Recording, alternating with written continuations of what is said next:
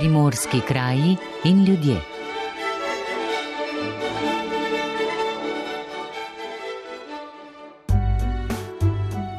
Alenka Di Batista, dober dan, pozdravljeni na valovih Radia Koper. Dobar dan.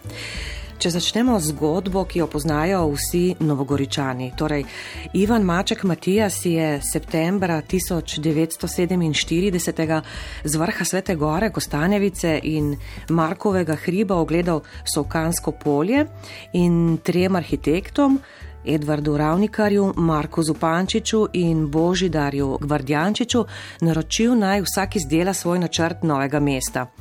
Torej, kdo izmed naštetih je zmagal, zakaj ga je ta načrt najbolj navdušil?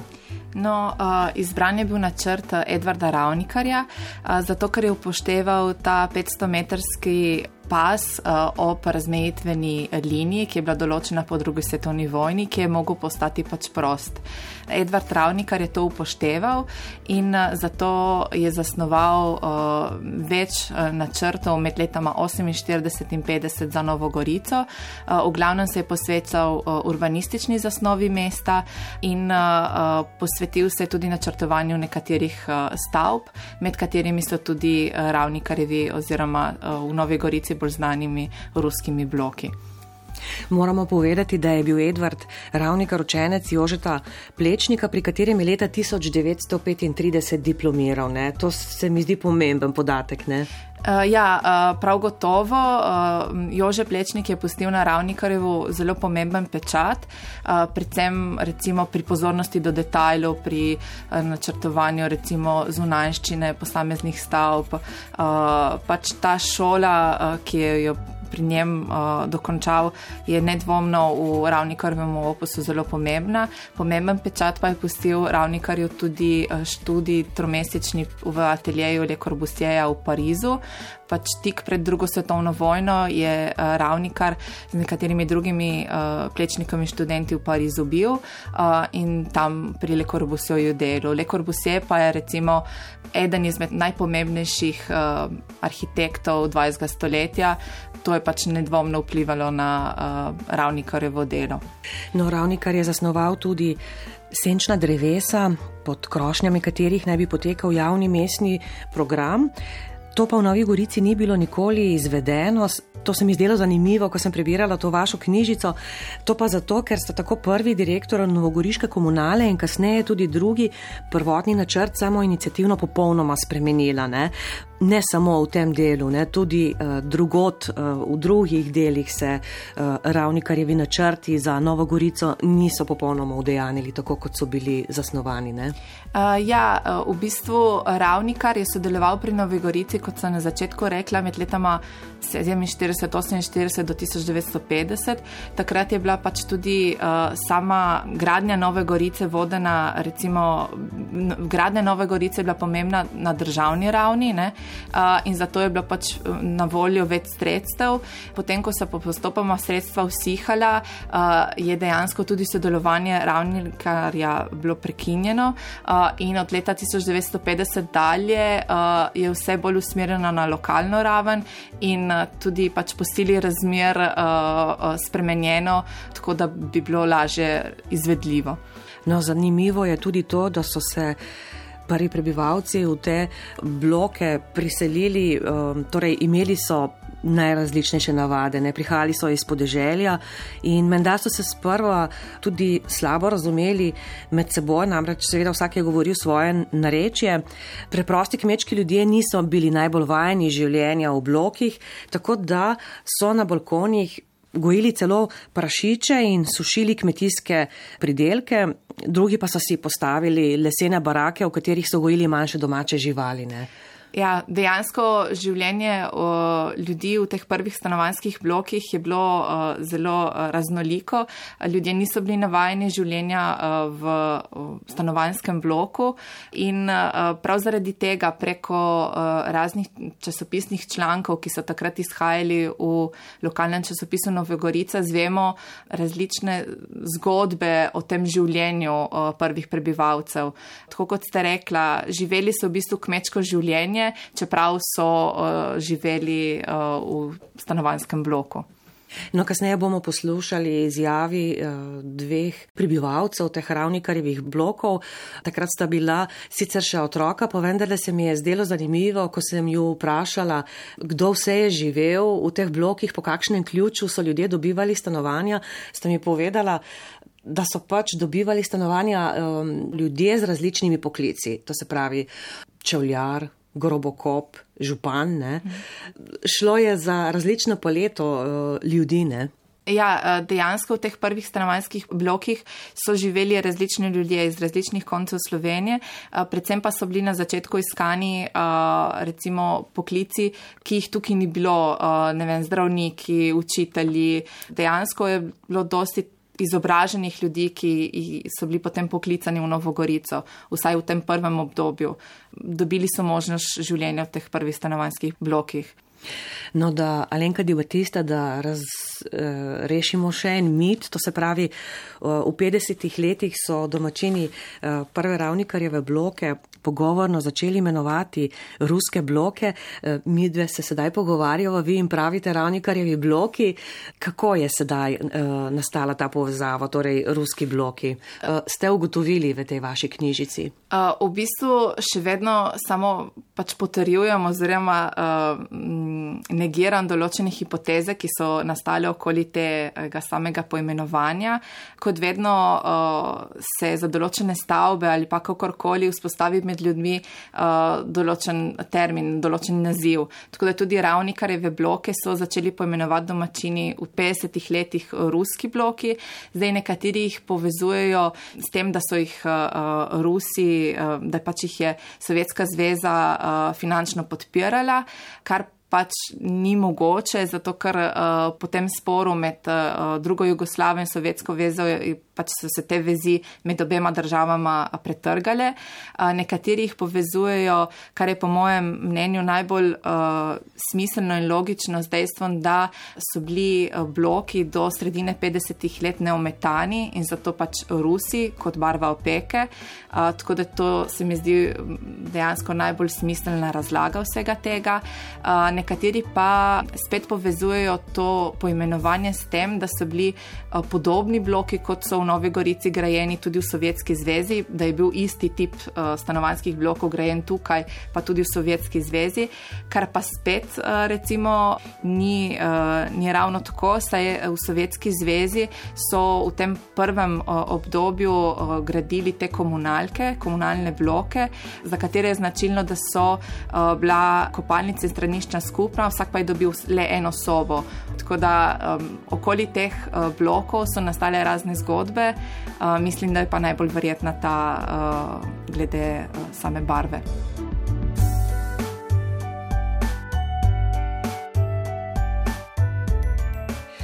Starši Branka Belingarja so bili eni od prvih stanovalcev teh blokov.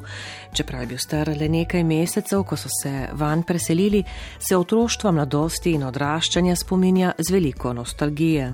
Pove, da sta tam odraščala tudi novinar in glasbeni producent Igor Vidmar ter igralec in kantautor Istok Mlakar. Jaz se še spomnim, ko so bili bloki, ki niso bili niti, niti še porajhani in mi kot mularija smo se že igrali okrog po gradbišču, po tistih cehlih, po odrih in tako naprej. Se spomnim od nekje od kakšnega tretjega leta naprej, kaj se je dogajalo tam okrog. Uh, v glavnem moram pa to povedati. Stanovanja so velika, imajo velike kleti, ampak takrat mi tistih kleti še nismo mogli tako izkoriščati, govorim za starše, ker v kleteh so bile trgovine. Jaz se spomnim v našem bloku, dol od spodi smo imeli mesnico, kar je bilo zanimivo. Ne? Uh, pa je bila v sosednjem bloku bila druga trgovina, tako da je bilo kar zanimivo.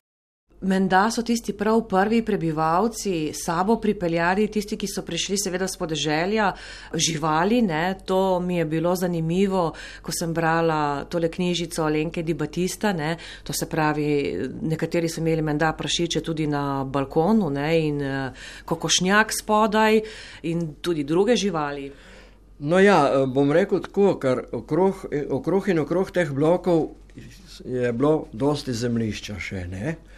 Tam zraven sta bile tudi dve baraki, ki so služile takrat za delavce, da so prespali, ko so se ti bloki zidali.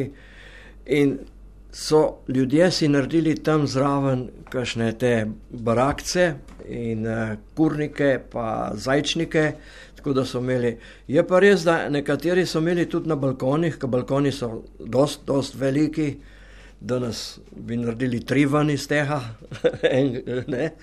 in uh, je bilo zanimivo, ja, če ne drugega, zjutraj te kakšen petelin, ki je zbudil. tako da je bilo kar bom rekel, pestro življenje. Ne? In igrali smo se pa okrog cest, ni še bilo, so še le naknadno delali. Fajn je bilo. No? no, kot je znano, vse teh blokov prijelo ime ruski bloki, pa me zanima, so se že takrat tako imenovali uh, ali ste jim vi rekli drugače?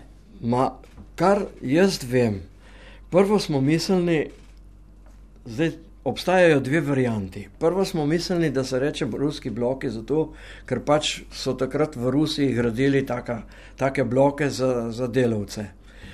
Potem sem pa jaz slišal še to drugo varianto, da so bili, ker so ti bloki so zidani iz cegla, polhnega cegla in so bili rdeči. In po naše se je reklo Rusi. In podle, kje živiš v tistih rusih blokah, ne? In tako so ratali, pa je tudi ime ruski bloki. Zato, ker rajhalo se to 3-4 leta, mi, mi smo bili sigur, sigurno celjeni že 3-4 leta noter, ko so začeli šele delati fasade. Ne. Zakaj se spomnim, kdaj so delali omet? Ker so delali tako omet, ki se, so se bleščali. V sam ta avto so zamešali selen kadar se je blok zil v jutranjem soncu, sploh ko je šlo sonce okrog in okrog, če si bil na določenem kraju, se ti je to lesketalo. Zanimivo. Jaz, jaz se pa spomnim tudi to, ker nam je bilo tam, bom rekel, mularije tako všeč, vsaj fantom, ali pa da smo neke punce osvajali. Ne? Smo šli na ta gradbeni odr, pa zbrskali ven ta selen in potle dali puncem, da so kao nek, nekaj posebnega. Ne. Da mogoče še danes obstaja kakšna eh, punca od takrat, ki ima shranjen ta selen? Ne? Možno, možno, vse jih je bilo kar precej. In v našem stopnišču, in v vseh nas stopniščah.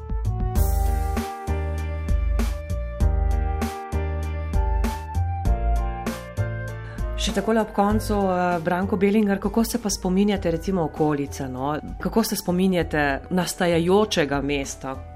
Ja, eh, je bilo kar, eh, bom rekel, zanimivo. Prvo kot prvo se spomnim, današnja Kidričeva se je takrat imenovala Magistrala. Je bilo še vse v Makadamu in ko so začeli to cesto ali ulico, bom rekel, asfaltirati, smo mi hodili gledati te stroje, kako delavci asfaltirajo to. Drugo, potem so postavljali luči, ker na magistrali so bile po sredini posebne luči. Take luči se jih vidi danes samo še na Litostrojski cesti v Ljubljani. Prav tam v bližini, bom povedal, je imel tam eh, izpod eh, kapele kmet nivo, češnje, jabolka in mi smo hodili rabutati. in od, od začetka se je ta možakar jezil, potem nam je pa celo tako naredil in je rekel: Ta češnja je vaša, druge mi puste pa primer. In res smo se tega držali.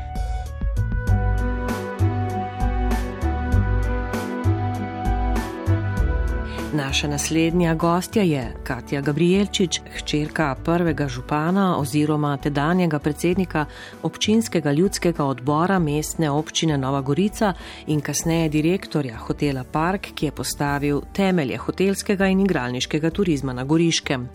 Tudi Katja, ki je sicer mama zgodovinarja Luka Lisjaka Gabrielčiča, je bila stara nekaj mesecev, ko so se njeni starši preselili v ruske bloke.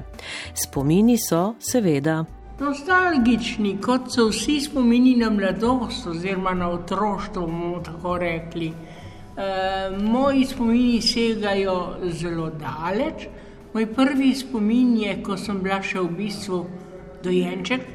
Eh, spomnim se, da sem verjetno sem že shodila, ker sem hotela hoditi po tirih, ker zraven blokov so bili na začetku tiri, na katerih so bili vozički, ki so prevažali gradbeni material. In moja mati, seveda, mi ni dovolila, da bi hodila po tistih tirih, ampak jaz kot otrok sem želela hoditi po tirih, so me fascinirali.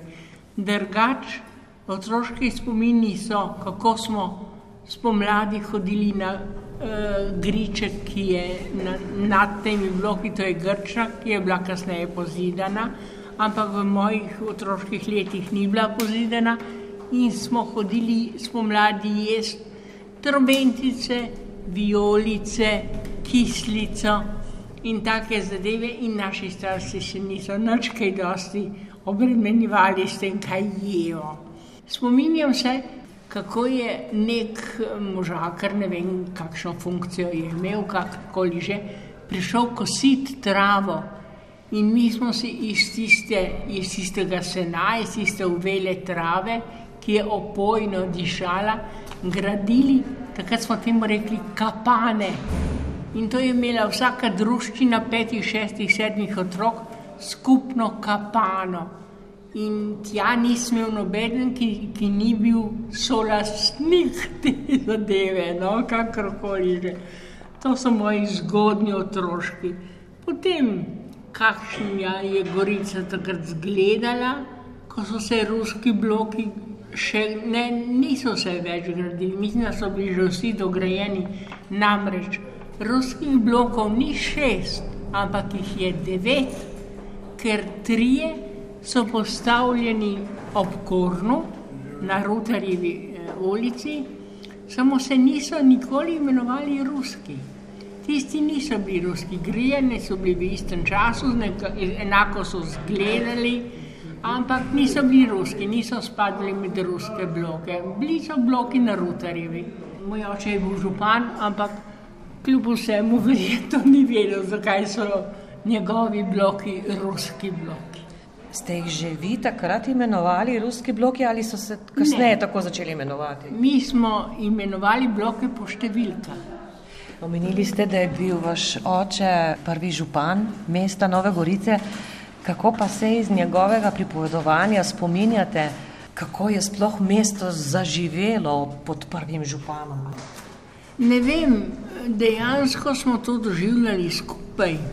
Moj oče ni govoril o tem, kako je mesto nastalo, ker ni nastalo. Mesto je nastajalo, je raslo skupaj z mano, z tisto generacijo, ki je tako stara kot jaz. On v bistvu je prišel na, na tri bloke in občinsko stavbo, tako da mi ni imel kaj pripovedovati. To se je dogajalo med tem časom, ko smo mi to doživljali. Današnji arhitekti pravijo, da so to najbolj kvalitetne zgrajene stavbe v Novi Gorici. Ne? Ta stanovanja so bila velika, ampak težka za vzdrževanje de facto. Peč je treba vsako jutro očistiti, odnesti pepel in tako dalje.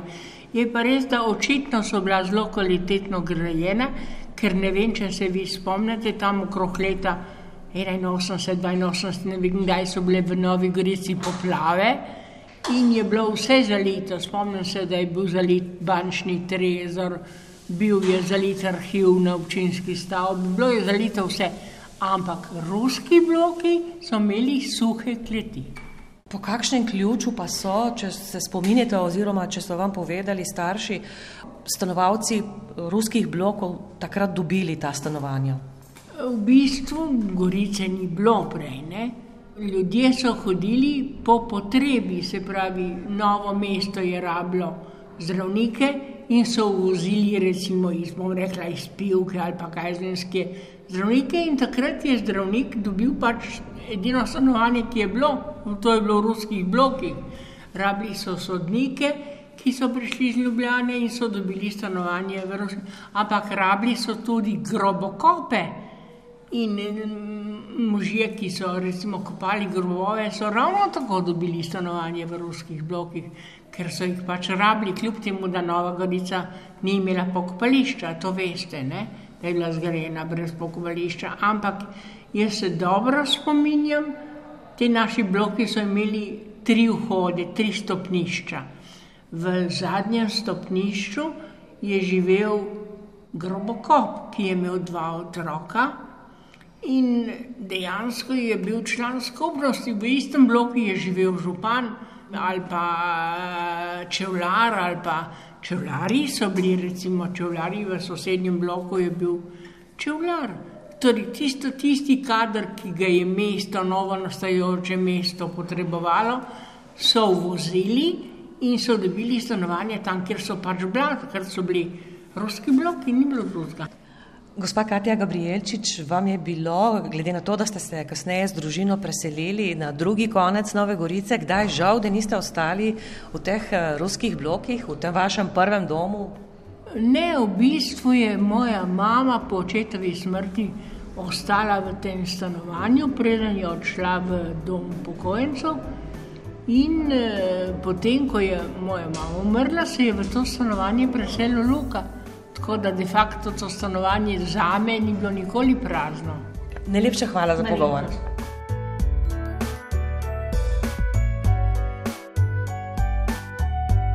Alenka Di Batista knjižico z naslovom Ravnikarjevi bloki konča s pozivom, naj se ruske bloke ustrezno vrednoti, saj pomenijo prelom v bivalni kulturi širšega prostora in so odraz modernističnega ustvarjalnega duha tega velikega slovenskega arhitekta, ter hkrati rezultat naporov in prizadevanj primorskih slovencev za postavitev novega obmejnega središča po drugi svetovni vojni. V teku je zato upis teh stanovanskih blokov v registru registr kulturne dediščine. Zavod za varstvo kulturne dediščine pa bo mestni občini predlagal razglasitev teh blokov za spomenik lokalnega pomena, prav zaradi arhitekturnega, umetnostnega, zgodovinskega in družbenega pomena, ki jih imajo v Novi Gorici. Današnjo oddajo Primorski kraj in ljudje sem pripravila Nataša Uršič, tehnično jo je uredil Igor Valentinčič.